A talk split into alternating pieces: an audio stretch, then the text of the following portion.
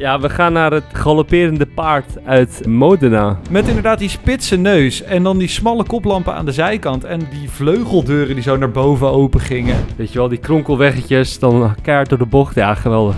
Wat is het nou voor gehouden, joh? Houd toch op.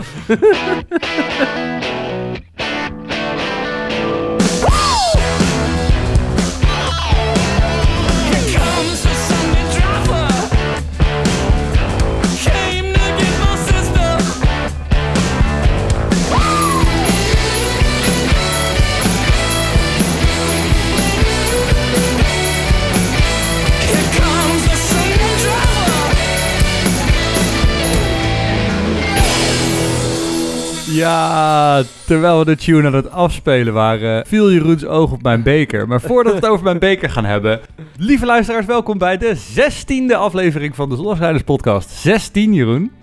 Oh, Sweet 16. Vroeger mocht je bier drinken nu. Ik weet nog dat ik 16 werd. Toen kreeg ik van mijn ouders op mijn verjaardagsfeestje een fles vodka. En toen he- he- hebben al mijn klasgenootjes gekotst en zijn afgehaald door hun ouders. Van mijn feestje. Ah, wat verandert dan weinig, hè? ja. Veel ouder, niet veel wijzer. Lekker. Ja, eh Jeroen, jij- wij, wij zien elkaar natuurlijk weer via de webcam, want jij zit in Istanbul en ik zit in Oegstgeest. Het kan verkeren. Ik ben jaloers, ik ben jaloers. Ik heb een theemok waar heel groot Mr. Right op staat. En mijn vriendin die heeft er dus een, er staat heel groot op Mrs. Always Right. Ja, het is heel kut.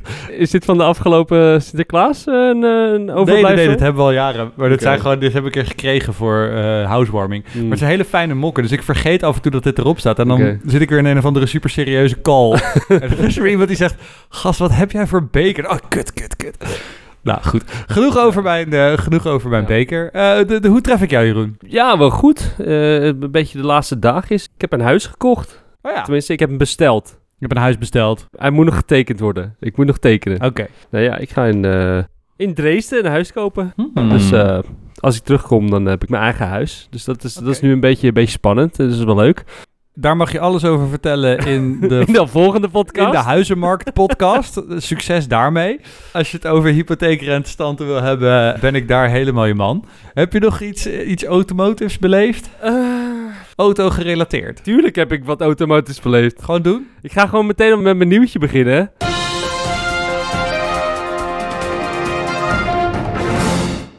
Max Verstappen is kampioen! Hoe heet de zoon van Jos Verstappen? Max Verstappen, Max Verstappen. Ja, ja, dat is waar. Dat is echt waar. Ja, ik zat wel even met, een- met een hartslag van, van 180 op die bank. Ik weet niet hoe het bij jou zat. Hoe, hoe zat jij erbij? Ja, ik was bij een maat kijken en zijn vrouw was er ook. En toen kwam er een kind waar zij op moesten passen even. En terwijl ik Max zat te kijken in die soort van bloedstollende apotheose van die race... Ja. zat dat kind achter mij op een piano te hengsten. Dus ja, ik kon... Ik zat gewoon in een soort van psychose, zat ik naar Max te kijken... met een soort van, nou, een soort Hmm. onheilspellend pianogeram op de achtergrond. Dus het, het, het was wel een intense ervaring, laat ik het zo zeggen. Ja, ik vond het fucking sick, weet je. Het, het, het, het, het mooie van gewoon de keuzes maken om kans te blijven maken... en dan Ja. hopen, op, Mhm. hopen op een mogelijkheid. Ja. En dan Hamilton die zijn ultieme blauwe schild vlak voor de finishmoment beleeft. ja, en, en Ja. nou, ik, ik moet dus eigenlijk eerlijk zeggen, ik kreeg ook wel vochtige oogjes van het commentaar van Olaf Mol. Als je weet natuurlijk dat hij, nou, hij is 30 jaar, al zolang als ik leef, is hij al Formule 1 commentator. Jos kent hij al vanaf dat Jos kind was. Ja, ja, ja. Dat is waar. Hij heeft die hele Max Verstappen op zien groeien. En nu in zijn laatste jaar, want hij mag volgend jaar geen commentaar Ja, meer hij geven, mee? eh, eh, wordt hij even wereldkampioen. En je voelde gewoon die emotie in zijn stem. Hij kreeg het gewoon even Ja. niet uit zijn strot. Dat ben ik met je eens. Ik vond dat ook mooi. En ik kan genieten van goed commentaar. En van een soort van Ja. mooi commentaar in het moment. Mhm. Alleen toen zag ik later de beelden van de Britten en hun commentaar. Dat is wel even een ander niveautje hoor. Hoe, Ja. hoe die commentaar geven. En ik heb dus, het, was, het mooie was, het was een post. Ik zag hem op LinkedIn voorbij komen. Dat ik heel kut vind. Hou op met over Ja. Formule 1 praten op LinkedIn. Echt. Ach. Maar dit was een post van een copywriter. En die had dus dat hele Engelse commentaar uitgeschreven. Ging dat soort van analyseren als copywriter. Mm. En dat was wel sick als je Ja. gewoon ziet waar die gasten allemaal met, met soort van herhalingen en drietrapsraketten en alliteraties en afkortingen Ja. en woordspelingen. En dan gewoon on the spot op Ja. dat moment. Dat was waanzinnig. Echt Ik- waanzinnig. Ik, ik had een beetje de vergelijkbare ervaring, maar het zal je verbazen, met het Duitse commentaar. Dat was ook echt geweldig. Die vent Ja, die was vet. ook echt zwaar enthousiast over, over wat er gebeurde. En die kon echt inderdaad ook supersnel alles, alles bijhalen en, en, en met zijn enthousiasme. En inderdaad, waar dan op een gegeven moment gewoon het motortje van Olaf Mol stopt, daar gaan zij verder, weet je wel. Ja, maar dat is, dat is echt next level. En toen Ja. klonk Olaf Mol toch ineens een beetje als Sier de Vos, weet je wel? ja. ja, Zo. sorry Olaf, love you, maar dat. Oh, eh, wil je verder nog iets zeggen over Max? Ehm, nou ja, kijk, ik weet nog steeds niet of ik het nou wel of niet eerlijk vond. Aan de ene kant heb ik mijn gekleurde bril. Ja, Van eh super vet, geen, geen vragen meer stellen, soms heb je geluk. Maar aan de andere kant vraag ik me ook wel af ja, of, of het nou echt eerlijk was. Ja, ik, ik zit nou ook niet diep genoeg in die stof. Ik lees de Formule 1 boeken niet, boeit me mijn gereed. nee. Maar weet je, hoe dan ook, ik vond het wel heel vet.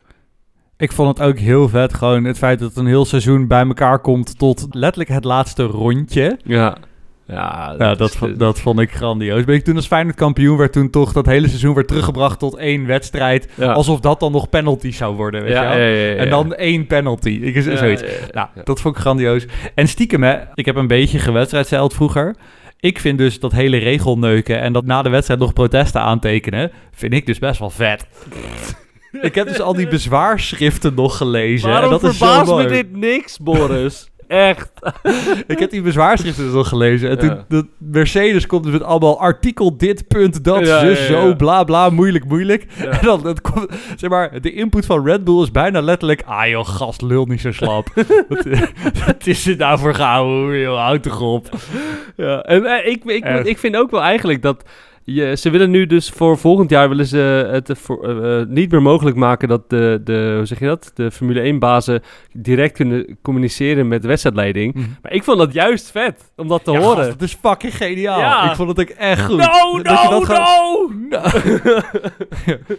Ja, ik vond dat ook echt geweldig. Maar die Toto Wolf is ook zo'n goede eindbaas. Ja. Zo'n goede evil guy. Als je hem ook ziet. Ja. Met gooien Ja, je- met zijn koptelefoon. Je haat hem gewoon.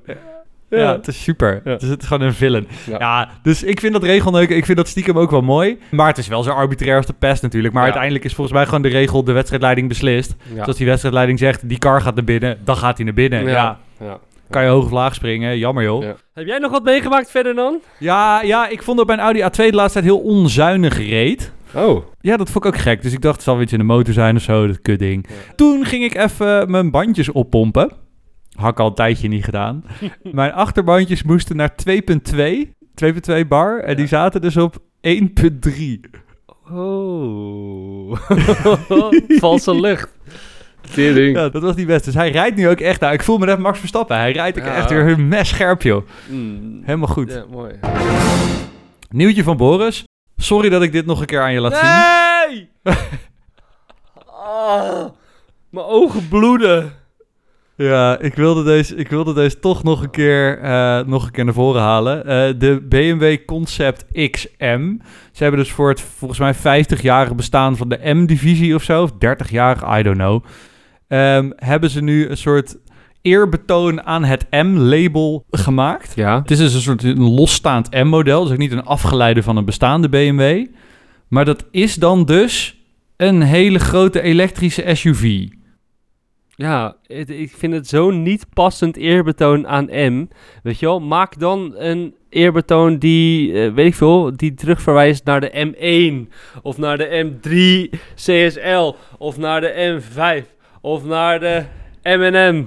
Boeit me gereed. Maar geen fucking SUV. Ik wil dat gewoon niet. Nee. Nee, ja, jij stuurde mij er nog een, een, een prachtig artikel over. We hadden het net over copywriting bij Ja. de Formule 1 commentaar.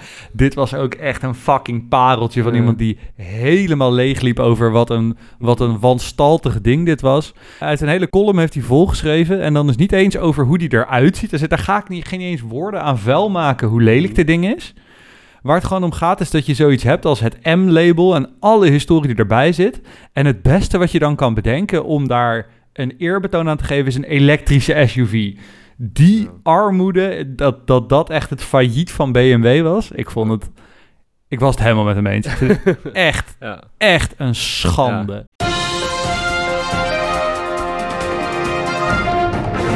Dan, Jeroen, Ja. moeten we het even hebben over... Het merk wat we gaan behandelen. Nee, we Oh. moeten het hebben over Donkervoort, Jeroen. Want Oh. daar Ja. hebben wij natuurlijk vandaag de kopiezoek. Steeds verrassend, altijd voordelig. Ik heb hem hier voor mijn neus. Ja. Ze konden kiezen tussen een rode of een blauwe. De rode was van jou, de blauwe was van mij. En dat was dezelfde auto, namelijk een eh, Donkervoort D8 GTO. Ja. Hij is gezien door 250 mensen. Mhm, mhm, mhm. Jeroen, Ja. ik heb slecht nieuws voor je. Oh, heb je eindelijk een keertje gewonnen, Boris? Ik heb gewonnen, ja. Met 34 tegen 19 stemmen. Oké. Dus wel echt flink verschil ook. Ja. Dus we kunnen wel zeggen, mensen vinden een blauwe Donkervoort mooier dan een rode. Nou, mooi. Hebben we die weer beslecht. Ja. Staat het nu 2-1 voor jou, toch? Yes, buddies. Ja. Ik ga het je vandaag moeilijk maken, jongen. Ah, ja. Oh. Ah, Oké, maar dat voor later. Steeds verrassend, altijd voordelig. Dat Ja. voor later, want het is tijd voor het merk van de dag. En de mensen die ons volgen op Instagram hebben al een kleine taster gehad. Mhm. Je kan ons trouwens volgen op @zondagsrijders Podcast. podcast, @zondagsrijders podcast. Dankjewel. Jeroen, waar gaan we het over hebben? Ja, we gaan naar het galopperende paard uit Modena. Ferrari. Of Maranello, toch? Ja, hij komt zelf toch uit Modena? Ja, dat is waar. Ga, gaan we het later over hebben?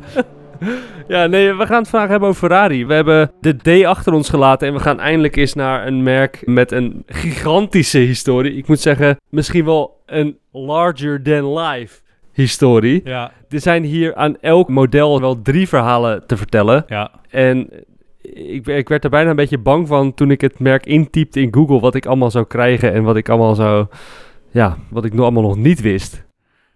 Ja, ik, ik voelde mezelf ook in de aanloop naar deze podcast. We hebben hem ook. Het is vandaag dinsdag, dus we hebben hem twee keer uitgesteld. Ik voelde mezelf ook echt hopeloos under-equipped. En ik was ook bang om het merk geen recht aan te doen. Ja, ik heb precies hetzelfde. Het is een beetje hetzelfde als dat je naar de trouwerij van je broer gaat in een t-shirtje. Ja, en dan een speech moet schrijven terwijl iedereen er heel veel van verwacht. ja, en dat je gisteren dronken was en, en nog helemaal niks hebt voorbereid. nee, precies. Nou, zo, zo voelt het dus een beetje. Want de vraag die mij hier aanstaart is: wat heb je met het merk? ja. Ferrari, Jeroen, zeg het maar. Ehm, nou, eigenlijk, wij zijn allebei natuurlijk niet... eh nou ja, klinkt een beetje kut, maar we zijn niet per se de doorsnee autoliefhebbers. In die zin dat we echt alleen maar achter de supersportwagens gaan. En een geil, een Ferrari, het geluid geil. Dus ik ben nooit heel erg achter Ferrari aangegaan. Ik bedoel, het zegt al genoeg dat wij ons echt heel erg moesten inlezen... en heel erg moesten gaan onder, onderzoek moesten gaan doen om dit merk te leren kennen ten opzichte van een Citroën of wat dan ook. Ja. Het heeft mij nooit heel erg bezig gehouden. Behalve dan dat ik bij vriendjes met 1 op 18 schaal autootjes aan het spelen was van Maranello'tjes en F50'jes. Dat is een beetje hoe het in mijn wereld is terechtgekomen. Mhm. Maar, er is één grote maar. Er zitten daar namelijk Ferraris in mijn familie. Ja, Ja, dat is best bizar. Ja, ik heb een oom, ja, die werkt heel hard. Die houdt heel erg van auto's. En die heeft wat geld over en die heeft al sinds een aantal jaren heeft hij dus Ferraris. En, Ja, sick. ja. ja, we gaan het straks aan het einde van de podcast, dus een cliffhanger. We gaan het aan het einde van de podcast gaan het eh, wat meer hebben. Ik heb hem eh, eventjes gebeld, want ik was toch wel ook wel benieuwd naar zijn mening over Ferrari en dat, dat soort dingen. Maar ik kan je één ding vertellen, hij heeft onder andere gehad een Ferrari 458, wat echt een bloedmooi ding was. Daar heb ik dus ook een keertje in meegereden en ja, dat is wel... Daar heb ik toen in de heuvels van de Eifel in Duitsland ingezeten. En daar heb je dan die, die weet je wel, die kronkelweggetjes, dan kaart door de bocht. Ja, geweldig. Even voor mijn ding, de 458 is zo modern, hè? Ja, is een moderne. Maar volgens mij is het de laatste van Pininfarina. Oh, dat is ook nog wel interessant. Ja. Ik moet daar wel bij zeggen, Jeroen. Wat jij zegt is een bloedmooi ding. Ja. Ja, vind, vind ik niet. Nee? Nee. Heeft een soort gekke snor uit, een soort gekke spleetogen. Ik vind hem echt niet mooi. Nee? Nee, ja, nee. Ik, nee. Oké. Nee, maar, maar dat maakt niet uit. Ik bedoel, eh, smaken verschillen. Ja. We gaan het straks ook hebben over waar de goede en foute kant op gaat. Want wat je van BMW kan zeggen, kan je in sommige dingetjes ook wel van Ferrari zeggen. Maar ik vond dit juist nog wel een van de mooiere eh, nieuwe Ferraris. Oké, komen we zo op, denk Ja. ik, over de vormgeving van die, van die Ferraris. Ja. ja, weet je, voor mij, voor mij is Ferrari... Ik, ik- dit is misschien een gekke metafoor, maar ik ben een Feyenoorder. Mhm. Ik kies gewoon niet zo snel blijkbaar voor de makkelijke weg. Ik hou meer van iets uitkiezen wat ik vet vind, zodat ik dat dan vervolgens me er heel erg aan kan ergeren. En voor mij is Ferrari is een beetje het Ajax van de auto-industrie. Nou ja, gewoon altijd het beste. Tuurlijk, Ferrari, dat is altijd het snelste, altijd het mooiste, altijd het duurste. Altijd, Mhm. Oh, Ferrari, wauw, fantastisch. Fucking saai. Doet me niks.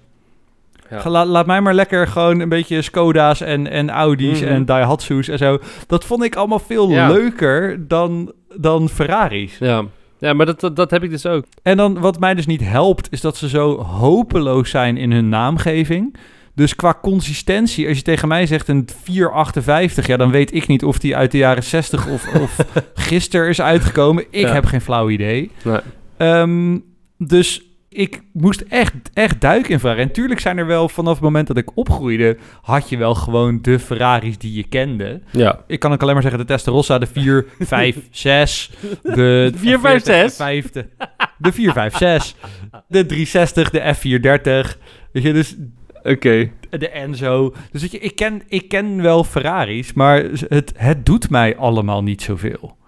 Eh, en dat, misschien ben ik gewoon niet de goede persoon om, dit, om deze podcast te maken. Maar we gaan het toch proberen. Maar dit, dit gaan wordt het dus helemaal geen leuke podcast voor mensen die heel erg zin hebben om heel veel te weten te komen over Ferrari. En dan met twee Ja, van die wel, jawel, zijksnoren wel. zitten die daar dan zeggen... Ja, ik heb dus eigenlijk helemaal niet zoveel met Ferrari. Nee, maar kijk, dat is, dat is wel iets voor mensen die veel van Ferrari te weten willen komen. Want we hebben best wel wat te vertellen. Ja, Ik denk dat dit niet een podcast is voor diehard Ferrari-fans. nee.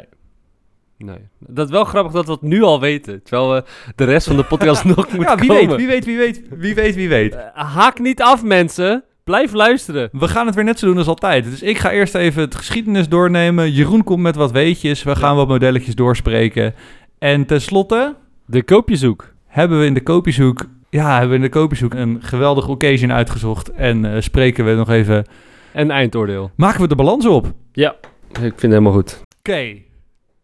De geschiedenis van Ferrari, Jeroen. Ben je er klaar voor? Nee.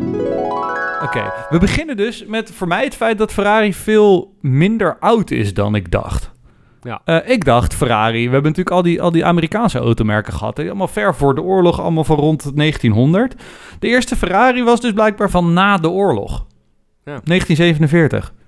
Wist ik niet. Maar goed, we gaan even terug naar helemaal het begin. Mooi, er was een, een legende, of een urban legend. Dat Enzo Ferrari is eh, geboren op 18 februari 1898. Maar dat zijn geboortedatum 20 februari wordt. Omdat er een sneeuwstorm was en zijn vader dus niet naar het gemeentehuis kon. is, dit echt, is dit echt interessant? Nee, maar ik dacht, dit, dit las ik, toen dacht ik, ah, oké. Anyhow, zijn vader, de vader van Enzo Ferrari, want die werd geboren, nou, we meteen titelverklaring, hè, Enzo Ferrari. Ja. Zijn vader was de zoon van de groenteboers, ook niet interessant, maar wat wel interessant is, is die begon zelf al met een soort metaalbewerkingsshop in het ouderlijk huis van meneer Ferrari. Nou, als Enzo Ferrari, als hij tien is, dan ziet hij, dat is het mooie van dit, hè, al die Italiaanse namen, Felice Nazaro ziet hij de race van Bologna winnen. En het tienjarige mannetje wordt vanaf dat moment geïnspireerd om dingen te gaan doen met snelle auto's. Nou, en daar plukken wij nu massaal de vruchten van. In 1918, dan is, hij, eh, is de beste man 20 jaar. Dan vecht hij in de Eerste Wereldoorlog voor Italië, samen met zijn vader en zijn oudere broer. Die overlijden allebei aan de Spaanse griep. Dat, eh, dat grijpt dan om zich heen in de gelederen. Ik zie jou Spaanse griep. De Dodge Brothers gingen ook dood. Slechte tijd voor de automobiele industrie. Ja. En hij wordt zelf ontslagen uit het leger, omdat hij ook ziek is. Maar hij overleeft het wel. Sterker nog, twee jaar later, eh is hij 22, gaat hij bij het raceteam van Alfa Romeo. En hij wint zijn eerste Grand Prix op zijn 25ste. Als racecoureur, dus dat gaat best lekker. Dus in 1923 wint hij, maar in 1925 overlijden er twee andere coureurs. Die overlijden dicht op elkaar. Ugo Stivocci en Antonio Ascari. Ascari is volgens mij ook een raceautomerk, toch? Dacht ik wel. Anyhow. En later zegt hij dat hij vanaf dat jaar eigenlijk ook het racen niet meer helemaal kon. Dat hij een beetje lafhartig, half lafjes raced, omdat hij een beetje bangig was.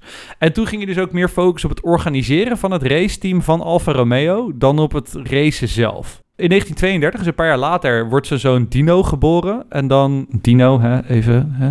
Dan stopt hij helemaal met racen en gaat hij verder met het uitbouwen van zijn stal binnen Alfa Romeo.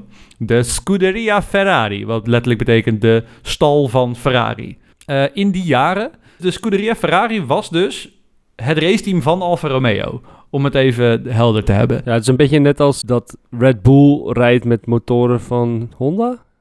Nee, echt helemaal niet. Oh. het, was gewoon, het, het was gewoon een soort bijnaam voor het raceteam van eh Alfa Romeo. Was Scuderia Ferrari, de stal van Enzo. Want die oké. runnen daar de shop. Oké. Anyhow, net als dat eerdere race Alfa's, die hadden dat klavertje 4 als gelukslogootje. De Scuderia Ferrari had dus het stijgerende paard. Want in 1918, dus in die oorlog, gaf de piloot Francesco Baracca aan Enzo een hanger van een stijgerend paard. Dat was zijn ding, had hij zelf ontworpen. En later werd die gast, die piloot, werd neergeschoten. En Enzo heeft dat stijgerende paard voor altijd gehouden als eerbetoon aan die piloot. Dus dat is ook waar het stijgt. Dat, dat weet ik, Hm? dat, dat heb ik toevallig ook opgezocht. Moet je er wel even bij zeggen dat het ook wel echt een legend was, die vent. Francesco. Die Francisco Baracca, ja, want die heeft in de Eerste Wereldoorlog met zijn Azen-squadron 34 overwinningen in luchtgevecht op zijn naam staan. Sick. en hij had dus inderdaad dat paard, want hij zat daarvoor bij een cavalerie. Daarna ging hij pas vliegen en, dat, en het logo van zijn cavalerie, ca- cavalerie had uiteraard een paard. En die had als een soort Lucky Charm had hij dat op zijn vliegtuig geschilderd. Ah, Oké, nou dan weten we waar het stijgerende paard vandaan komt. De prancing horse. Even dit was in 1932. Toen stopte hij met racen en ging hij de Scuderia Ferrari doen. Nou, dat heeft hij vijf jaar mogen doen. Want in 1937 werd de Scuderia Ferrari ontbonden.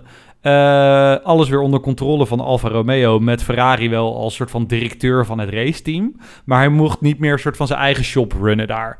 Ja, dat vond hij kut. Dus in 1939 vertrekt hij met ruzie. En hij mag de komende vier jaar geen raceauto's maken van zijn contract. Moet je even denken, hè? 1939 en de komende vier jaar mag hij geen raceauto's Oh, maken. jammer. Ah, godverdomme. Ah. Dan maar tanks. Nee, hij richt dus wel een bedrijf op. Auto Avio Construzioni. Dat maakt onderdelen, dus het maakt geen auto's. Dus dat, dat mocht dan. En toen moest hij in de Tweede Wereldoorlog wel... Hij moest wel meewerken aan Mussolini's regime. Waren ze goed of fout in de oorlog? Mega fout. Verdomme. Nooit meer een Ferrari. Ze waren niet zo slecht als, als BMW, geloof ik, die allemaal kampgevangenen liet werken. Eh, maar hij moest wel. Maar wat wel het punt is, hij was soort van de boog aan het spannen voor zijn eigen auto's. Dus hij heeft ziek goed geboerd in de oorlog. Hij had daar op een gegeven moment honderden mensen in zijn fabriek werken. Eh, ziek veel geld verdiend. En daarmee heeft hij dus uiteindelijk zijn eigen merk kunnen starten. Het is eigenlijk een beetje vergelijkbaar met Citroën dus. Die had ook mega goed geboerd met zijn granaatfabriek in de oorlog. Ja. Maar dat was de Eerste Wereldoorlog alleen. Sorry, ga door. Oké, want Tweede Wereldoorlog, hij moest wel meewerken, maar zijn fabriek werd ook wel plat gebombardeerd, twee keer. Dus toen ging hij van Modena naar Maranello. Wel heel veel geld verdiend, dus in 1947 de eerste Ferrari 125 Sport. Dus als je even gaat naar het rijtje met modellen, zie je hem daar. Ja. Ik had deze nog nooit gezien en ik vind het niet. een van de vetste ever. Het is toch fucking vet. Ja. Ja. het is echt totaal gebrek aan styling. Ja, die grill lijkt een beetje op... Je kent toch wel van die Mission Impossible... Dit is zo'n scène dat hij dan op een gegeven moment zo'n luchtschacht in moet. En dat je dan, dan moet zo'n rooster weghalen. En dat is die grill. Ja. Ja, dat is waar. Het is inderdaad gewoon zo'n standaard luchtafzuiggrill. Ja. Ja. ik vind de sleuven in de zijkant vind ik heel Een vet. soort harp. Die, die sleufjes die hij heeft. Hij is gewoon heel classy, vind ik hem. Ja. Oké, anyhow. Dat is de, de 125 Sport. En vanaf dat moment, en dat heb ik me eigenlijk nooit echt gerealiseerd... Ferrari is gewoon heel lang een raceauto bedrijf geweest. En die maakte straatversies van hun raceauto's om te kunnen overleven. Dus heel veel van de geschiedenis van Ferrari is gewoon... Ze hebben hier een race gewonnen, ze hebben daar een race gewonnen... ze hebben een nieuwe versie van een raceauto, ze hebben weer een ra- race gewonnen. Ja. Ik vind dat... Ja, dat boeit mij niet. Nee. Sorry. Dus bijvoorbeeld, er staat er in 1952 hebben ze de eerste wereldtitel. Ja, ik weet niet in wat voor Ja. race dan. Ja, dat is geen Formule 1, want dat bestond nog niet. Ik heb geen idee, maar ze hadden een wereldtitel. Nou, geweldig. Ja. Ehm, dus dat maakt me allemaal niet zoveel uit. Wat ik wel vet vind, is dat ze in 1961... Mhm. Dus dan zei ik sla gewoon hier even een paar decennia over. In 1961 hadden ze iets dat heette The Great Walkout. Ja, dat vond ik geweldig. Ja. Want het was namelijk zo. Enzo Ferrari die betrok zijn vrouw Laura heel erg in de gang van zaken binnen de organisatie. Het was een soort Yoko Ono binnen dat bedrijf. Dus er waren allemaal mensen die hadden een pleurishekel aan haar. En toen hebben we op een gegeven moment de sales manager, de general manager, de chief engineer, de sportscar development chief, die hebben gezegd, yo, kan deze chick opdonderen? en toen heeft Enzo gezegd, nou, donderen jullie maar op. Dus heeft toen gewoon iedereen ontslagen. Ja. Optieven, wegwezen. Ehm, en dat was helemaal niet slim. Ze hadden die mensen gewoon nodig. Die hadden allemaal best wel belangrijke functies. En ze waren toen bezig met een concurrent voor de E-Type. Want die won toen allemaal dingen en die verkocht super lekker. Dat was echt de sportauto die je toen moest hebben. En toen stuurde hij dus midden in het proces al zijn belangrijke mensen weg. Je zou denken dat gaat helemaal mis. Maar het ging niet mis. Want gelukkig de situatie werd gered door twee mensen. Ingenieur Mauro Forghieri. En, dit vond ik vet, bodyworker Sergio Scaglietti. Nou, die Hmm. kennen we natuurlijk nog allemaal van de latere 612 Scaglietti. en zo werd de 250 GTO geboren. En ik denk als je de normale 250 vergelijkt met de 250 GTO... dan heb je wel respect voor wat meneer Forghieri en meneer Scaglietti gedaan hebben. Ja. Want dat is echt eh, een verschil van dag en nacht. Ik heb daar nog wel een leuk weetje over. Die Big Five, zeg maar, of die Big Eight, die weg zijn gegaan. Weet je waar die heen zijn gegaan? Ja, die hebben zelf een bedrijf opgericht, toch? Weet je waar die uiteindelijk heen zijn gegaan? Nee, dat weet ik niet. Lamborghini. Ja, makes sense. nee, dat wist ik niet. De motorbouwer die de V12 moest regelen van de 250 die heeft dus de eerste V12 van Lamborghini gemaakt. Oh, that hurt. Lamborghini was de buurman van Ferrari. Er was een trekkerbouwer. Die reed in een Ferrari. ja, ja, ja. Die was ontevreden over zijn versnellingsbak. Dus die belde aan bij Ferrari dat hij er ontevreden over was. Toen zei die Ferrari, eh, weet je, blijf jij lekker trekkers bouwen? Dan bouwen wij auto's. Joejoe. Toen dacht hij, ja, flikker op. Ik bouw mijn eigen fabriek al. Ik ga ook auto's bouwen. Nou, the rest is history. With Ja. blackjack en hookers. Dus eh, goed, daar gaan we het later over hebben. Maar goed, dus die Exodus, dat is ongeveer het begin geweest van Lamborghini. Vet. Ja. Oké, daar gaan we het bij Lamborghini over hebben. Ik wist al dat daar, daar iets zat. Cool. Waar we het over hadden, die Mauro Forghieri, dat was dus de ingenieur. En die heeft later dus bijvoorbeeld ook de mid-engine lichte Ferrari Dino's gemaakt, bijvoorbeeld. Dus het was echt een frisse wind die best wel goed uitpakte voor Ferrari. Nou, dit was 1961. Dit waren roerige tijden, want in 1963... Ook hier, ik wist al dat er iets was, maar ik wist niet dat het dit was. In 1963 probeert Ford Ferrari te kopen. Daar ben ik een beetje ingedoken. Daar is die hele film ook over gemaakt. Ford vs. Ferrari. Heb ik niet gezien. Moet ik denk ik wel zien. Ik denk wel een vet film. Met Damon. Ja, die film is met Damon. Ja. Ehm, ah, eh, in Amerika, de babyboomers kregen meer geld. En ik vond het wel interessant. Het was dus eigenlijk de eerste nieuwe generatie sinds de industrialisatie. Dus het was de eerste generatie dat ze denken... hé, hey, dit zijn nieuwe mensen die, die op een andere manier naar geld kijken. Die hebben niet de oorlog eh, als volwassenen meegemaakt. Die hebben niet de recessie meegemaakt. Dus die gaan op een andere manier met geld om. Daarnaast zag Ford dat GM en Chrysler populairder werden. Dus toen won die informatie in bij good old Lee Iacocca. Of course, who else? Mhm. Dat was Henry Ford II, de kleinzoon van. Die zei, ja, wat wij nodig hebben is een sportauto. En hij was wel bezig met de Mustang, maar die was nog ver weg. Dus ze zeiden, ja, weet je, dan kopen we toch gewoon die gekke Italianen. En dan hebben we een sportauto, plakken er Ford-logo op, helemaal mooi. Enzo, die leek daar wel ontvankelijk voor. Want dan kon hij zich gewoon weer focussen op het organiseren van zijn raceteam. En gewoon lekker racen, racen, racen. Niet zelf, maar dat gewoon organiseren. In plaats van die stomme consumentenauto's. Dus de onderhandeling ging best wel goed. Alleen toen zei Ford, ja, dat is leuk, maar ik bepaal wel het budget, toch? En zo. Dus ja, je mag daar je shop runnen, maar ik bepaal wel hoeveel geld er naartoe gaat. En toen zei Enzo, ja, Ambahula. Ambahula, Ford. Dus ik heb er een stukje over gelezen. I'll never sell under those terms, nor will I sell to an ugly company that builds ugly cars in an ugly factory. De geruchten gaan dat hij daarna nog heeft gezegd dat Ford nog niet eens de veters kon strikken van zijn grootvader. En daarna verkocht hij de helft van de aandelen aan Fiat. Dus ja, ja, ja, ja. toen was Ford echt ziedend. Nou, daar komen we denk ik bij de aflevering van Ford nog wel op terug. Toen heeft hij uh, Project Ferrari Killer gestart. en daar is uiteindelijk de GT40 uitgekomen... die in 1966 Le Mans won met plek 1, 2 en 3. Dus dat Mhm. is binnen drie jaar heeft hij dat gecheft. Insane. Nou, Ja. ik vond dit een heel vet verhaal. Ja. Toen, ja, weet je, vanaf dat moment hebben ze weer allemaal auto's, allemaal races, allemaal dingen gewonnen, bla bla, yada yada. In 1988 gaat Enzo dood. Oké. Ja. Ja, dat is jammer. Hoe oud was die? 90 of zo? 90, ja. Ja. Moet je nagaan hoe lang hij al oud was. Ja, hij was heel lang oud. zeg maar, dat er Ehm. best wel vette auto's werden gebouwd. Toen was hij al heel oud. Ja, het was hij 75. Ja. Toen, in 2006, ja, dit vond ik een fun fact. Toen kocht Fiat nog 30% van de aandelen terug van een consortium. Wist je dat ABN AMRO ooit 7,5% van de Ferrari-aandelen had? Nee? Nou, wel goed, wel goed, goed Ja. beetje. dus wij als Nederland, dit was nog voor de financiële crisis, anders waren wij als Nederlanders eigenaar van Ferrari geweest, helaas. In 2014 eh, wordt Ferrari binnen Fiat Chrysler een eigen bedrijf, waar Fiat Chrysler dan eigendom van is.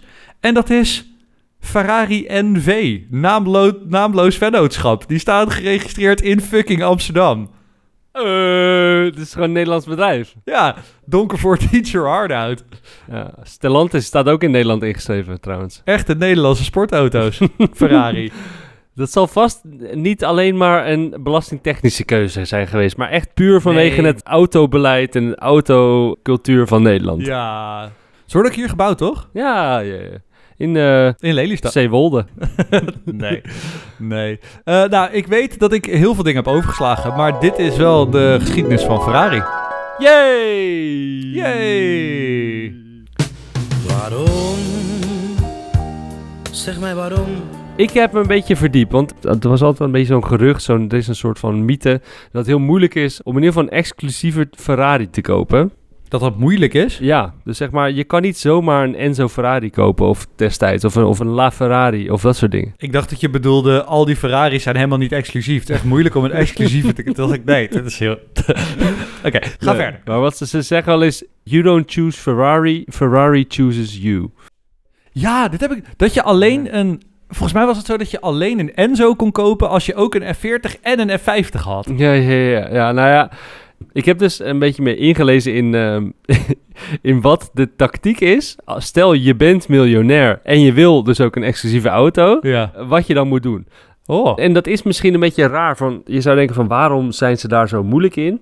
Maar Ferrari weet gewoon, die exclusieve auto's, die worden eigenlijk het moment dat je ze koopt, zijn ze al meer waard. Omdat ze Ja. exclusief zijn. Dus zij weten Mhm. gewoon, zij gunnen die meerwaarde eigenlijk alleen aan loyale klanten. En ze willen er Ja. zelf ook eigenlijk al meteen aan verdienen. Extra aan verdienen. Dus ik, ik zat op een gegeven moment een sales fan van Ferrari, zat ik een filmpje van te kijken. En de tactiek om dus als rijk persoon een luxe Ferrari of een, eh, een exclusieve Ferrari te kopen, dat gaat om love. L-O-V-E. En love staat voor... Dit heb ik gehoord, Ja. maar ik weet het niet Love meer. staat voor loyalty, options, volume en events. Nou, ik zal heel kort uitleggen wat het betekent. Dus loyalty betekent dus dat jij negatief over Ferrari uitlaat eh, eh, in eh, publiciteit, in social media of naar anderen, maar dat je dus dat voor je houdt. Het is echt een soort van studentenvereniging. Het is een soort van Vaticaan is bijna. Eh, Options wil zeggen dat je, je moet veel Ferraris kopen voordat je dus überhaupt het recht krijgt om een, eh, om een Ferrari te kopen. En maar ar- die Ferraris die mogen dus ook niet standaard zijn. Daar moet je dus heel veel options op gooien, want options, En daar verdient Ferrari namelijk heel veel geld op. Dus En je, dan... ja. Jezus. Eh, en dan ja. volume, dat staat dus letterlijk voor, voor, voor veel Ferraris. Je moet gewoon echt wel minimaal drie, vier Ferraris hebben voordat je überhaupt op de VIP-lijst komt te staan voor een iconische Ferrari als de La Ferrari destijds was, want die wordt niet meer verkocht. Nee, En events is er nog eentje. Je moet dus, je moet ook... je moet dus op alle events moet je aanwezig zijn. En dan moet je dus echt maar als soort van community moet je daar, weet je wel, handjes schudden en eh, lief zijn naar andere Ferrari-rijders. Het is echt een soort van clan. Ja, dus ik, ik zou bijna me afvragen van wil je dat wel? Maar toen dacht ik van ja, hoe kun je zo, eh, hoe zeg je dat, hotel zijn? Hoe kun je zo jezelf opstellen tegen kopers? Maar je moet je bedenken, ik zat te kijken. In de wereld zijn er 65 Jeroen. miljoen miljonairs. Ja, precies. Er zijn er zat. Er zijn er 65 mil- en er zijn 2700 biljonairs. Dus moet je Ja. nagaan. Dus binnen dat wereldje maakt het dus best wel, is het, heeft het best wel zin om daar je nog exclusief eh, op te stellen.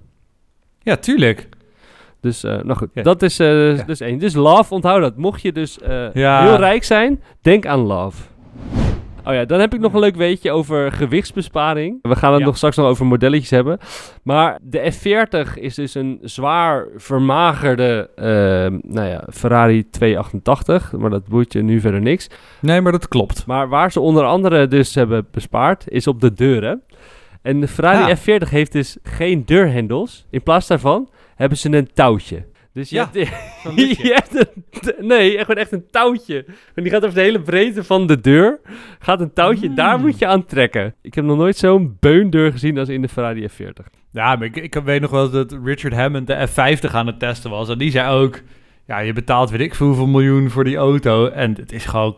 Alles is crap. En je zit niet lekker. En de materialen zijn kut. En hij heeft geen radio. En wat is dit? Ja, ja, ja. Eh, weet jij waar Testarossa vandaan komt? Nee. Ik zag wel dat het vroeger los werd geschreven. Dus dat het niet één woord was. Maar dat Testa Nou, Rossa. Dan, eh, je, bent, je zit al in de buurt. De naam Testarossa is dus een eerbetoon aan eh, een hele beroemde oude eh, Ferrari uit 1957, de 250 Testarossa. Twee woorden. En Testarossa betekent rood hoofd in het Italiaans. Oké. En dat, is, Ja, dat verwijst dus naar de eh, rood geverfde nokkenkappen die je ziet als je naar de motor kijkt. Weet je, de, shit, hoe heet het in het Nederlands? De cam covers. Cam covers, ja.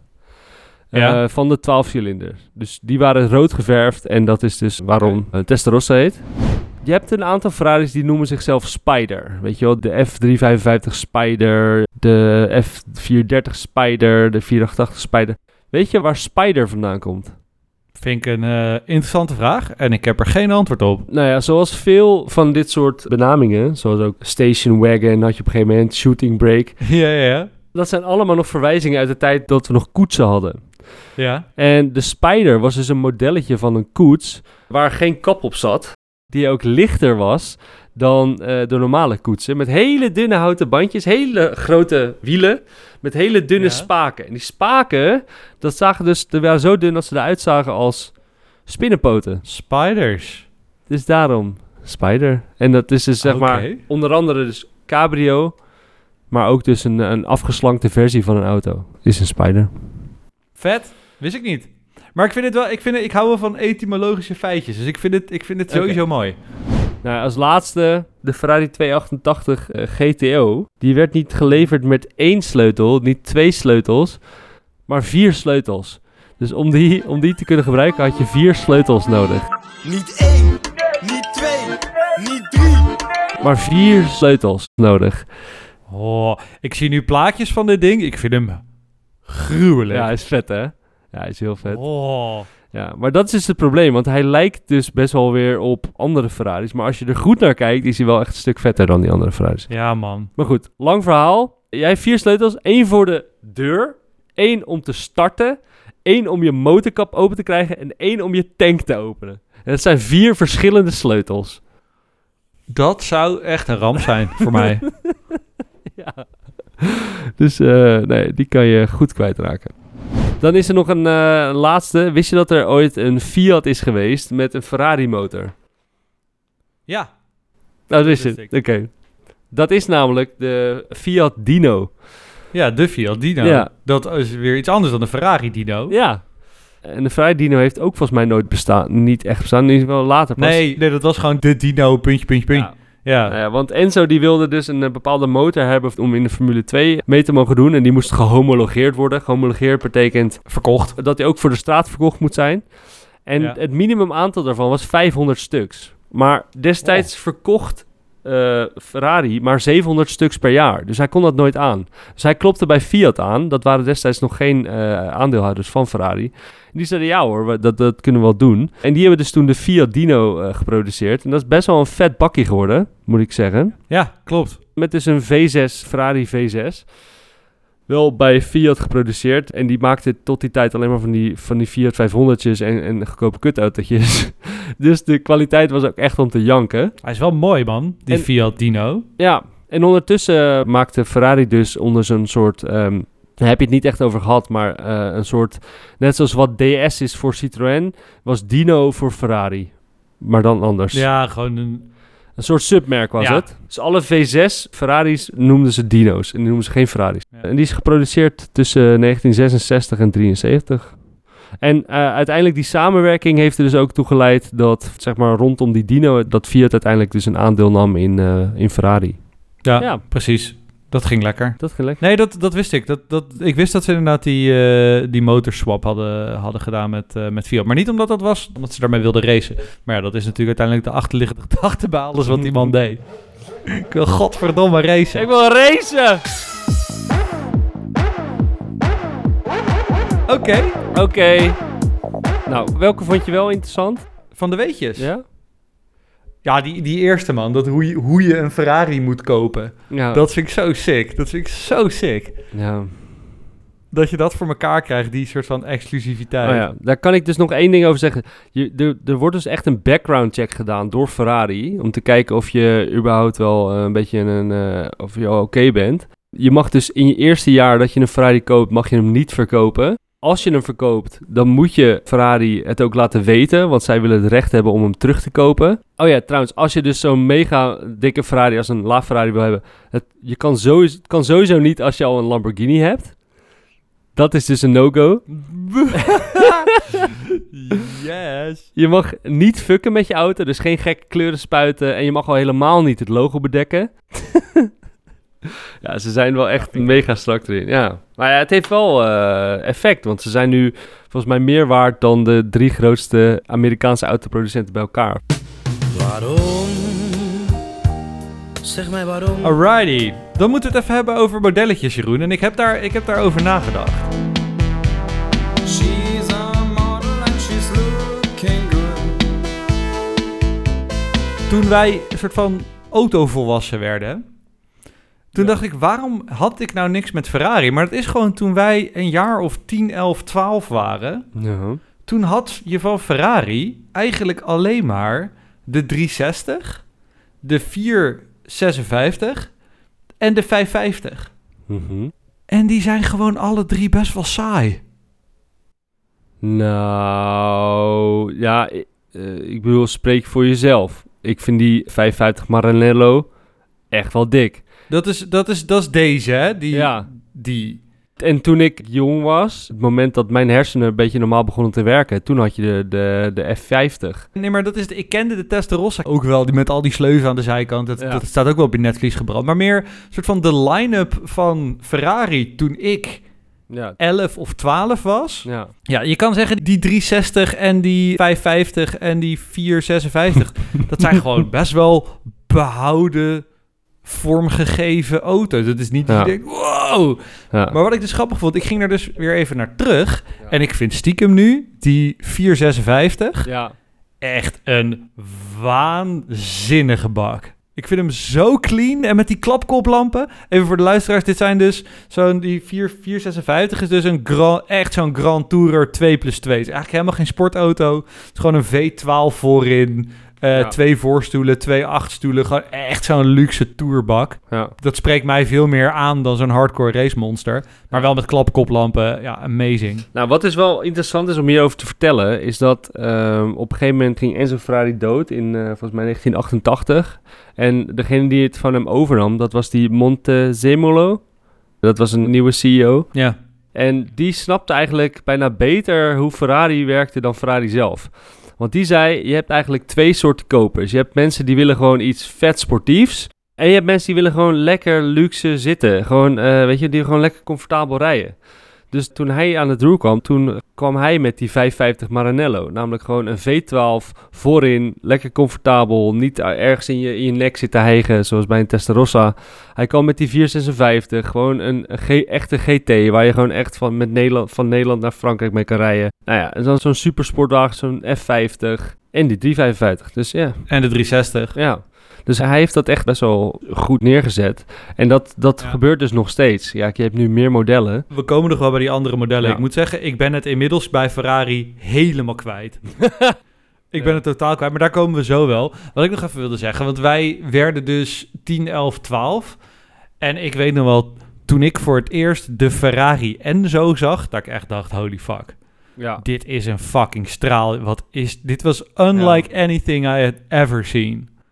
Ja, het zag er echt uit als een Formule 1-wagen voor op de weg. Nee, ja, ook niet. Het, was gewoon een, het is gewoon een soort ruimteschip. Ja, maar wel, met die neus, man. Het is een soort ruimteschip.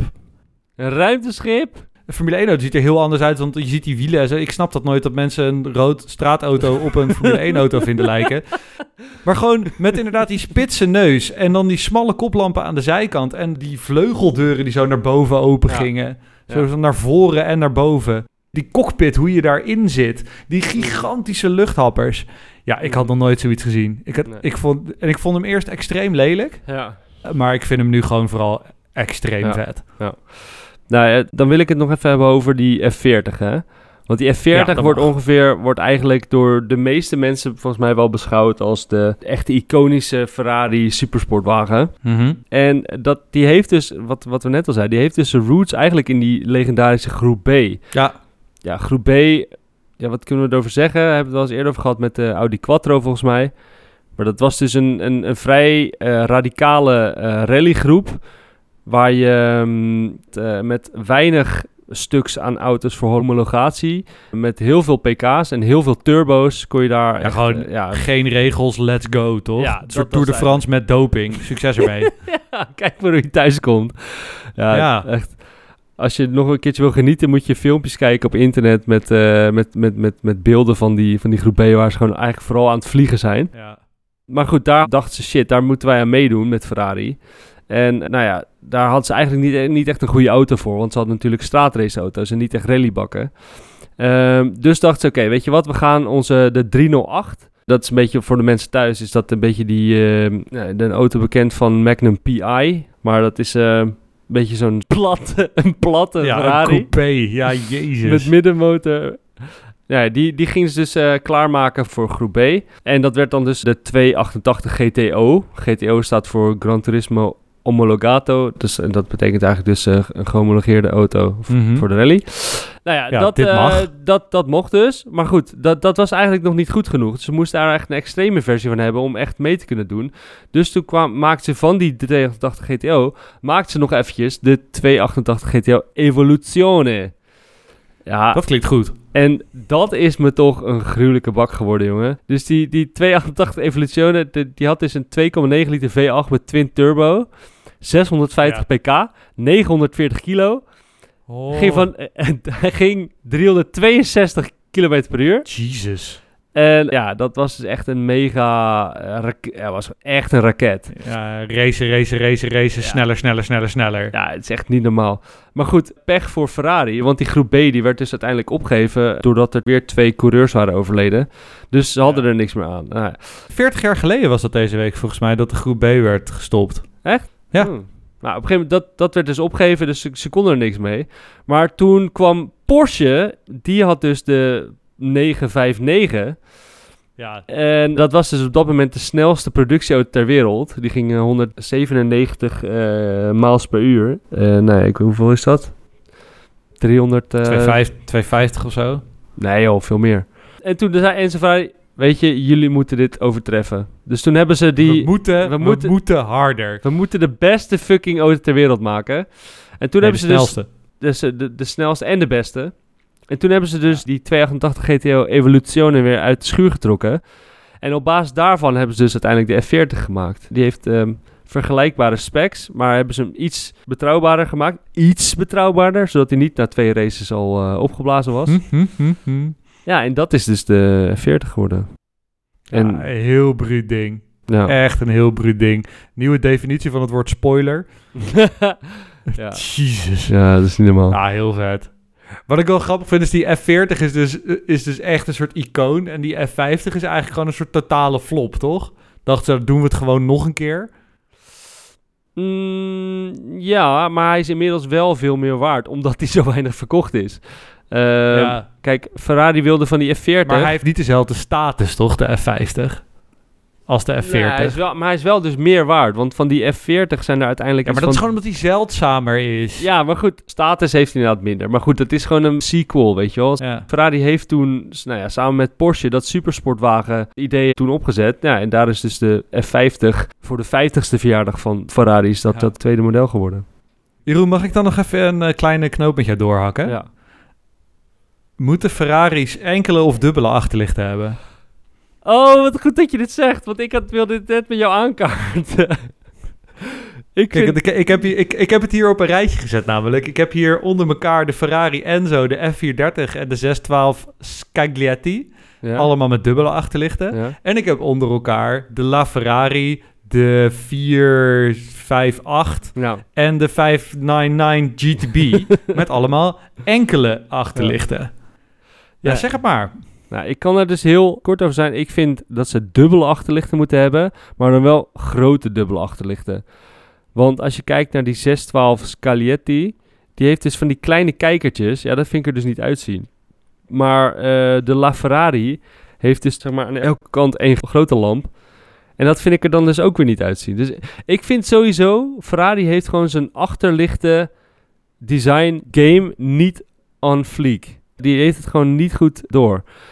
Een van de laatste mooie achterlichten van Ferraris vind ik eigenlijk de Challenge Stradale. De 360 Challenge Stradale met zo'n zwarte kap eroverheen. Daarna vind ik Mhm. het eigenlijk niet, Ja. niet, niet veel meer. Die was heel vet. En je ziet dus nu, ze, zijn, ze hadden dus inderdaad die dubbele achterlichten, gewoon die twee rondjes. Dat is waar ik mee ben opgegroeid, dus ik vind dat vet en dat is volledig arbitrair. Mhm. Toen zijn ze overgegaan naar die enkele ronde kijkers, die vond ik eigenlijk heel anoniem. Ja. En nu, als je kijkt naar de Ferrari Roma, wat ik overigens echt een bloedmooie Ja. auto vind. Mhm. Oh, wat vind ik die mooi. Ja. Daar gaan ze dus voor wel dubbel, maar dan gewoon streepjes. Dat ik denk, ja, Ja. dat vind ik ook, vind ik ook net niks. ja. Maar man, die Ferrari Roma, man, waanzinnig. Ja. Wat is dat een fantastisch mooie auto. Ja, nee, ik ben het helemaal met je eens. Maar eigenlijk, wat dus wel interessant is, is dat Ferrari dus weer een beetje terug gaat naar de achterlichten van de Testarossa. Namelijk Gewoon streepjes. streepjes. Want kijk, nee, maar kijk. ik weet niet of je die hebt gezien, maar er komt een nieuwe aan. Een Daytona SP3. Ja, ja, ja. Ja, daar had Frank Stevenson had het daar laatst over, toch? In zijn in zijn show. Dat dat niet de Testarossa was, maar eigenlijk een concept echt uit de jaren 70 ergens met ook zo'n hele streepjes achterkant. Ja, Ja, klopt. eigenlijk wel vet dat ze dat weer gaan doen. Trouwens, nog één ding over de Testarossa. Wat ik daar dus Ja. over heb gelezen, is dat die, die is dus bekend vanwege die, nou ja, die, die spijlen aan de zijkant. Ja. Maar wat, dat is, dus, dat is dus wel grappig, want ze hadden daarvoor, nou ja, komen ze weer, die, de auto's ervoor, dat was dus weer die 308 en de, de 512 en ik het 365 Ja. met de klassieke vorm. Maar mensen klaagden dus, eh, want die motor die zat achterin, maar die cockpit werd veel te warm. Ja. Want dat kwam dus omdat die radiatoren voorin zaten. En eh, dus dachten ze, ja, weet je, flikker jullie op met je gezeik. Weet je wat we gaan doen? We gaan, een, eh, we gaan hem ombouwen. We gaan die radiatoren achterin zetten. We gaan heel veel lucht geven. En dan moet jullie stil zijn. En dat is dus de vorm geworden van die Testarossa. Aan de zijkant hebben Ja, ze gigantische gaten. gigantische gaten. En ze wilden eigenlijk helemaal die sleuven niet, maar ze wilden dat gewoon open houden. Maar eh, omdat ze hem in Amerika wilden verkopen, ja, en daar heb je dus veiligheidsmaatregels. Dat Moesten je, ze dat gat kleiner ja, maken. dan moesten die gaten moesten, moesten beschermen. Daarom eh, heeft hij van die spijlen. Wat goed. Ja. Ja, wat ik nog even een puntje, we hadden het een beetje over hiervoor. eh, met die Ferrari van je, van je oom. Ja. Dat was die 4. Ik ben het alweer kwijt, hè? 458. 458. ja, ik vind dus eigenlijk bijna alle Ferraris van tegenwoordig vind ik lelijk, omdat ze allemaal zo druk zijn. Er zitten allemaal zoveel Ja. vouwen en tierlantijntjes en lijnen en gaten en luchthappers en de, de, de koplampen zijn allemaal boos, bozer, nog bozest. Het- ik vind ze allemaal zo schreeuwerig en dus dat vond ik stom, Mhm. want een van mijn favoriete Ferraris is dus eigenlijk niet eens een Ferrari. Dat is de Dino. De lichtere Ferrari met een V6 middenmotor. Een heel schattig, aaibaar, lichtvoetig ontwerpje... wat eigenlijk heel goed past bij deze tijd. Namelijk downsizing, lichter. Dan ga je harder, kom je verder. Dat is wat Maserati nu ook heeft gedaan met een nieuwe sportauto. Mhm. En nu heeft Ferrari dus ook weer een V6 op de markt gebracht. Volgens mij voor het eerst sinds de Dino. Ja. Ja. Eh, dus dat vond ik vet. En hij is heel, en hij is heel clean. ja, maar wel met een dikke elektromotor erbij. Dus Ja, dat volgens mij nog steeds... Maar wel, wel van Ja. deze tijd. Maar toch, maar toch, een Ferrari, de eerste Ferrari met een V6 sinds de Dino, dat Ja. vond ik super cool. Ja, en ik vind hem niet zo schreeuwerig vormgegeven. Ik vind wel eigenlijk dat ze hem de Dino hadden moeten noemen. Ja. En dus ook een iets meer retro ontwerpje hadden kunnen doen. Dit was toch de kans om de Ferrari Dino weer Mhm. in het leven te roepen. Ja, Hybride aandrijflijn, V6, lichtvoetig, klein, compact, Ja. toegankelijk tussen aanhalingstekens. Nee, ik ben het met je eens. Oh, Boris, ik zat trouwens nog even, want ik vind het altijd zo leuk om te hebben over de lelijkste. Oeh, ja. Of in ieder geval een interessante. Ja. Ik wilde je nog eventjes deze laten zien. Dat is namelijk de 456. Dat zeiden we net al. Dat is een GT, een, een Grand Tourer. Ja. En Ferrari heeft dus ook wel een handje van om one-offs te maken. Hè? Dat weten we al. Eh, die, die houden ervan om, eh, om, om zeg maar veel geld uit hele rijke mensen te troggelen en voor, voor, voor anderhalf miljoen per stuk een auto te maken. Een voorbeeld daarvan Ja. is de 456 GT Venice. Ja, dude, die was ik helemaal vergeten, maar fantastisch dat jij hem hebt gedaan. Ja, ja. Nou ja, dat is dus gemaakt voor de Sultan. Sultan van Brunei. Brunei. Van Brunei. Nee, Ja. in ieder geval van, nee, van zijn broer. Voor zijn broer volgens mij. Maar Oh, maakt verder niet ja, uit. Hij had er zes of zo, toch? In Ja, verschillende ja, kleuren. Ze kosten anderhalf miljoen per stuk. Hij heeft dus van een Ja. 456 GT heeft hij een stationwagon laten maken. Ja. Het stomme is, ik vind het best werken. ja, nee, ik ook. Dit is voor mij dus het teken dat Ferrari prima een stationwagon zou kunnen maken. Nee, ik zeker. Trouwens, nog een ander ding. Die 456, dat was dat is de laatste Ferrari met klapkoplampen. Ja, Oh, en dat, dat doet me wel veel hoor. ja. Want ik, ik moet zeggen, ik snap niet heel veel van de line-up toen. Want naast deze met klapkoplampen hadden ze toen een soort gelijk model zonder klapkoplampen. Dus ik weet niet precies wat daar nou de bedoeling van was. Ja. Ik snap, als ik nu een sportautomerk zou zijn, ik zou gewoon weer een sportauto met klapkoplampen op de markt brengen. Dat Ja. is toch fucking vet? Dat wil je toch? Koopbezoek. Steeds verrassend, altijd voordelig. Oké, koopbezoek. We gaan op zoek op de autoplatformen naar een occasion. Ja. Daarvoor zetten we een budget. Bij de meeste auto's is dat 5000 euro. Nou, dan heb je hier nog geen dinky toy, denk ik. Nee. Dus we hebben het nu gezet op 100.000 euro. Ik vond het een interessant budget, want je kon echt alle kanten op. Ja. Eh, nee, klopt. Ehm, maar ik zal even uitleggen. Voordat ik aan mijn- mijn keuze ga vertellen. Ik eh, zat even te bedenken. Wat vind ik eigenlijk een van de mooiste, meest tijdloze Ferraris op dit moment? En dan kom ik toch wel een beetje bij de... Ja, dat klinkt misschien raar. Ik, dat, komt een beetje puur door mijn onderzoek. Eh, Dat Mhm. is een mooiere versie van de Testarossa. Namelijk Ja. de Ferrari 512 TR.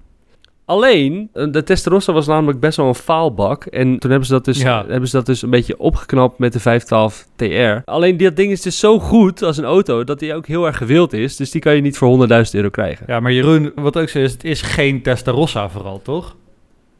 Ja, maar de Testarossa die, die is dus best wel betaalbaar. Die kan je gewoon best wel kopen, want die Ja. waren- zijn best wel slechte auto's. Oké, oké. Nou, goed. Ga verder. Ik eh, onderbrak je. Dus ik ben gekomen met een Ja.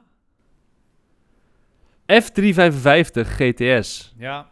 Het is eigenlijk een organische versie van de Testarossa. Een soort van evolutie van de Testarossa. En ik vind het gewoon echt een heel mooi tijdloos ontwerp. Het is echt een ontwerp wat gewoon de tand der tijd heeft doorstaan. Ja, hij is, is 93.500 euro. 35.000 kilometer gereden. Uit 98. Gaat van 0 tot 100 in eh, 4,7 seconden. Ja, hij is natuurlijk Ferrari rood. Ja, dit is, dit is grappig. Ik kwam deze auto dus tegen. Ik kende hem niet. Maar het voelde meteen vertrouwd. Ja, weet ik veel. De F355, whatever.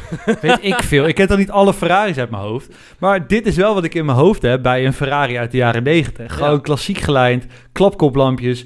Clean vormgeving. Niet die gekke, gekke dingen Ja. van de Testarossa met allemaal lijntjes en foutjes en dingen. Nee. Dus toen ik deze auto eh, afgelopen week leerde kennen, was ik, had, ik, had ik wel zoiets van... Oeh, dit is wel een soort van Ja. prachtige, bescheiden Ferrari, hoe die hoort te zijn, wat ik in mijn hoofd heb bij Ja, een Ferrari. Een, Een elegante Ferrari. elegante Ferrari. Ja. Ja, heel vet. Uit welk jaar is hij? 98. 98, ja, toen was ik af. Ja, valt mee.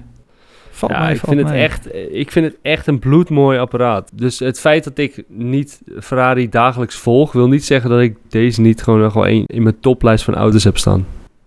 Ja, snap ik wel. Nou Jeroen, als je het hebt over toppunt van elegantie, zal, zal ik? En mag ik even, ik gok dat je een dino hebt. Ehm, bijna. Wow!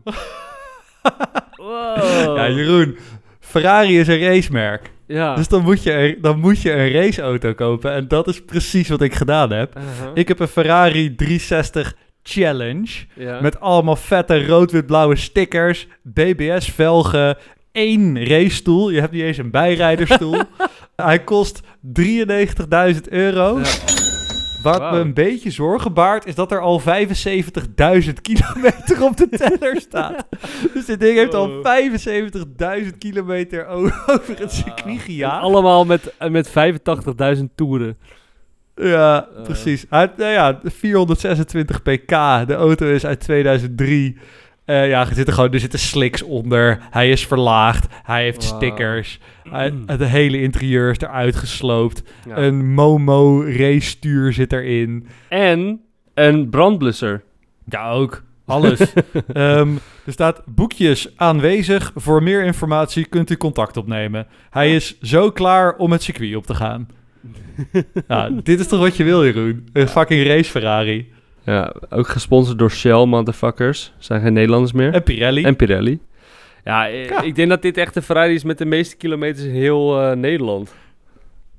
Ja, dat, het, het, is, het, is, het is een auto om... Is een gebruiksvoorwerp, Jeroen. Ja, Niet om nee. in een fucking museum neer te Dat is zetten. dus wel een denkfout, want een Ferrari is dus niet een gebruiksobject. Het is een kijkobject.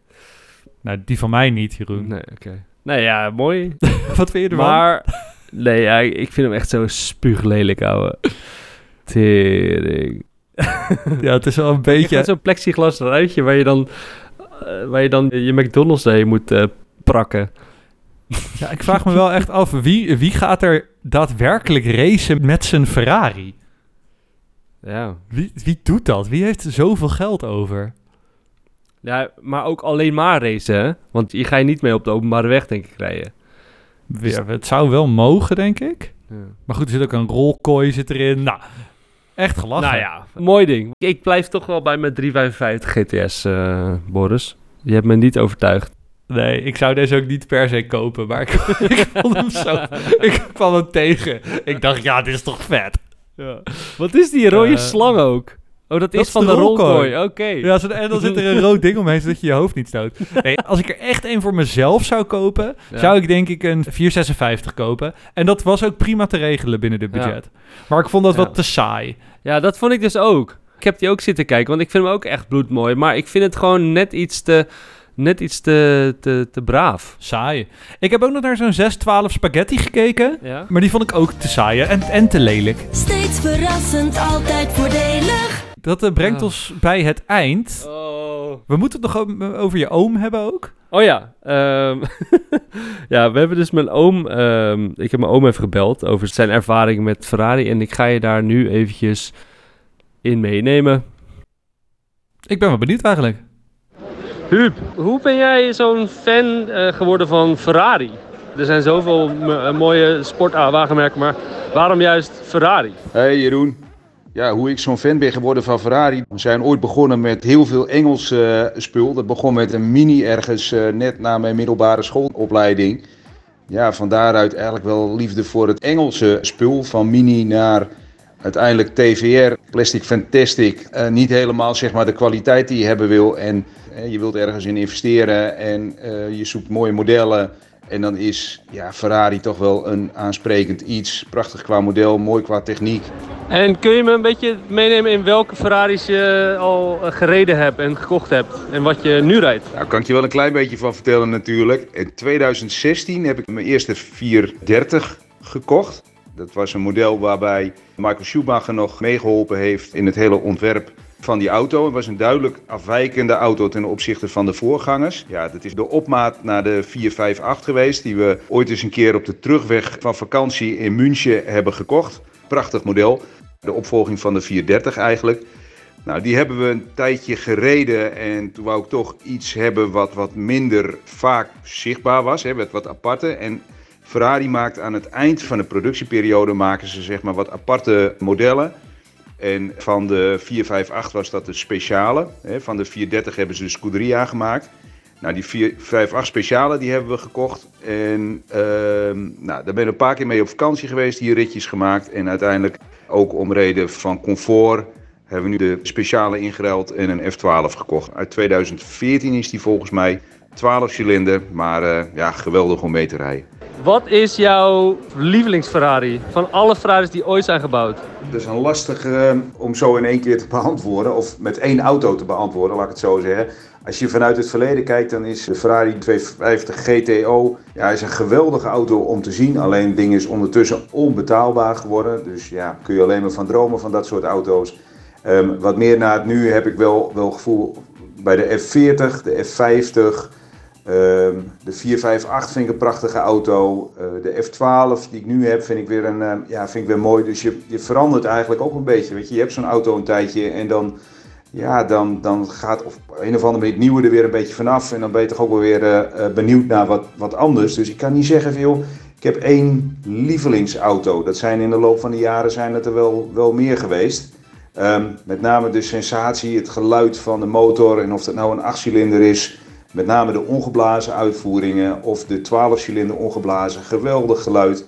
Maar ook het enthousiasme van, eh, eh, van mensen als je met zo'n auto eh, langskomt. Of juist dat ze er een keer in mogen zitten. Hè, met name kleine kinderen, ouders die dat geweldig vinden. Een fotootje maken. Ja, mensen worden gewoon blij. Alleen maar ja, positieve reacties tot op dit moment. Ja, een paar dingen. Ten eerste denk ik, ik wil ook een leven dat ik op een gegeven moment denk... ah, ik vind die 458 toch wat saai. Doe, doe maar een F12, want hè, dat is gewoon weer even wat anders. Dat lijkt me heel chill. En daarnaast, ja, weet je, je hebt toch ook gewoon wel een beetje een Ferrari om gezien te worden. Dat is toch gewoon onderdeel van waarom je zo'n ding Ja, hebt. nee, ja, tuurlijk. Maar je maakt mensen blij. Dat is toch ook leuk? Ja, ja, ja, ja. ja. Nee, dit, ik, ik, ik verwijt ook zeker geen kwade wil. Maar Ja. ik denk meer, dat is wel een van de redenen waarom je zo'n ding koopt. Anders koop je niet zo'n auto. Zelfs binnen de sportwagens is een Ferrari nog steeds wel een Ferrari. ja, maar... Je, het is geen Aston Martin. Nee, en, en al al kom Of je met... McLaren. Of met de 911. Als je met de 911 voorbij komt rijden, gaan mensen ook niet vragen... Mag er even in zitten? Dat is ook, nog, dat is ook gewoon net iets, iets grijzer. Ferrari is wel echt Nee, iets excentrieker wat dat betreft. Ja, zeker. Ja. Nou, Boris, eindoordeel. Let's go. Oh, dit vind ik een hele moeilijke. Dat Ja. zeg ik denk ik elke keer. Oké, Jeroen, wat geef ik een cijfer op dit moment? Ferrari. Oké, maar de historie, het merk, de auto, gewoon alles. Ja, alles. Waarom niet alles? Maar waarom niet alles? ik denk dat ik dan Ferrari een 8,5 geef. Maar dat is vooral mijn fout. Dat is omdat ik Ferrari nog niet op waarde kan schatten. Maar ik vind Dat dat denk ik echt echt. wel vrij hoog, hoor. Ja, maar gast, het is toch een van, de, een van de meest iconische automerken die er is. Het is niet voor niks dat wij allebei met een knoop in onze maag aan deze podcast begonnen... omdat we Ja. allebei twijfelden of we het wel recht konden doen. Ja. Dit, dit zeg ik als Feyenoorder, maar het is het Ajax van de automerken. nou, ik vind dat, eh, dat je daar wel iets te veel eh, props aan Ajax geeft. Dit is gewoon Real Madrid, vind ik. Ja, ik kijk even binnen Nederland. Ja. Maar je snapt wat ik... Het is toch de crème de la crème. Je hebt sportauto's en je hebt Ferraris. Het is, Ja, het is de archetypische sportauto, man. Ja, Dat- ja. Ja, En het is, ik vind het wel iets zonde dat ze de laatste tien jaar alleen maar lelijke auto's gemaakt hebben. Allemaal lelijk. Maar goed, dus dan, dat is wel Ja. wat me tegenhoudt om het hoger te geven. Ja, het is gewoon een puur, puur kwestie van smaak en interesse. En weet je, als ik dagelijks auto's zit te kijken, dan zijn het allemaal rare modelletjes, rare, rare automerken. Dus zou het raar zijn als ik nu in één keer zeg, Ferrari, yes, let's go. Weet je, dat, dat zou gewoon niet, mijn hoofd niet helemaal, eh, niet helemaal kloppen. Dus ik ga hem sowieso niet hoger geven dan een, eh, dan een 9. Dus het wordt voor mij een 8,7. Grappig, jouw hele redenering ging voorbij echt toen naar een 7 of zo. En. maar prima, ik was al bang. Ik, ik, ik, ik, ik stond al helemaal klaar om je in de reden te vallen. Eh, maar goed, jij geeft ze dus een 8,7 Ja. en ik 8,5. Ferrari, ik ben heel blij dat hij erop zit. Ik hoop dat we de mensen wat nieuws geleerd hebben. Dank jullie wel. Shout-out naar Menno de Meester voor het in elkaar draaien van de podcast. Luisteraars, bedankt dat jullie er waren. Geef meningen op platforms en de Apple-app. Eh, volg ons op Instagram, Zondagsrijderspodcast. Tot de volgende. Arrivederci. Arrivederci. Arrivederci. Arrivederci. Arrivederci. Arrivederci. Ciao, ciao.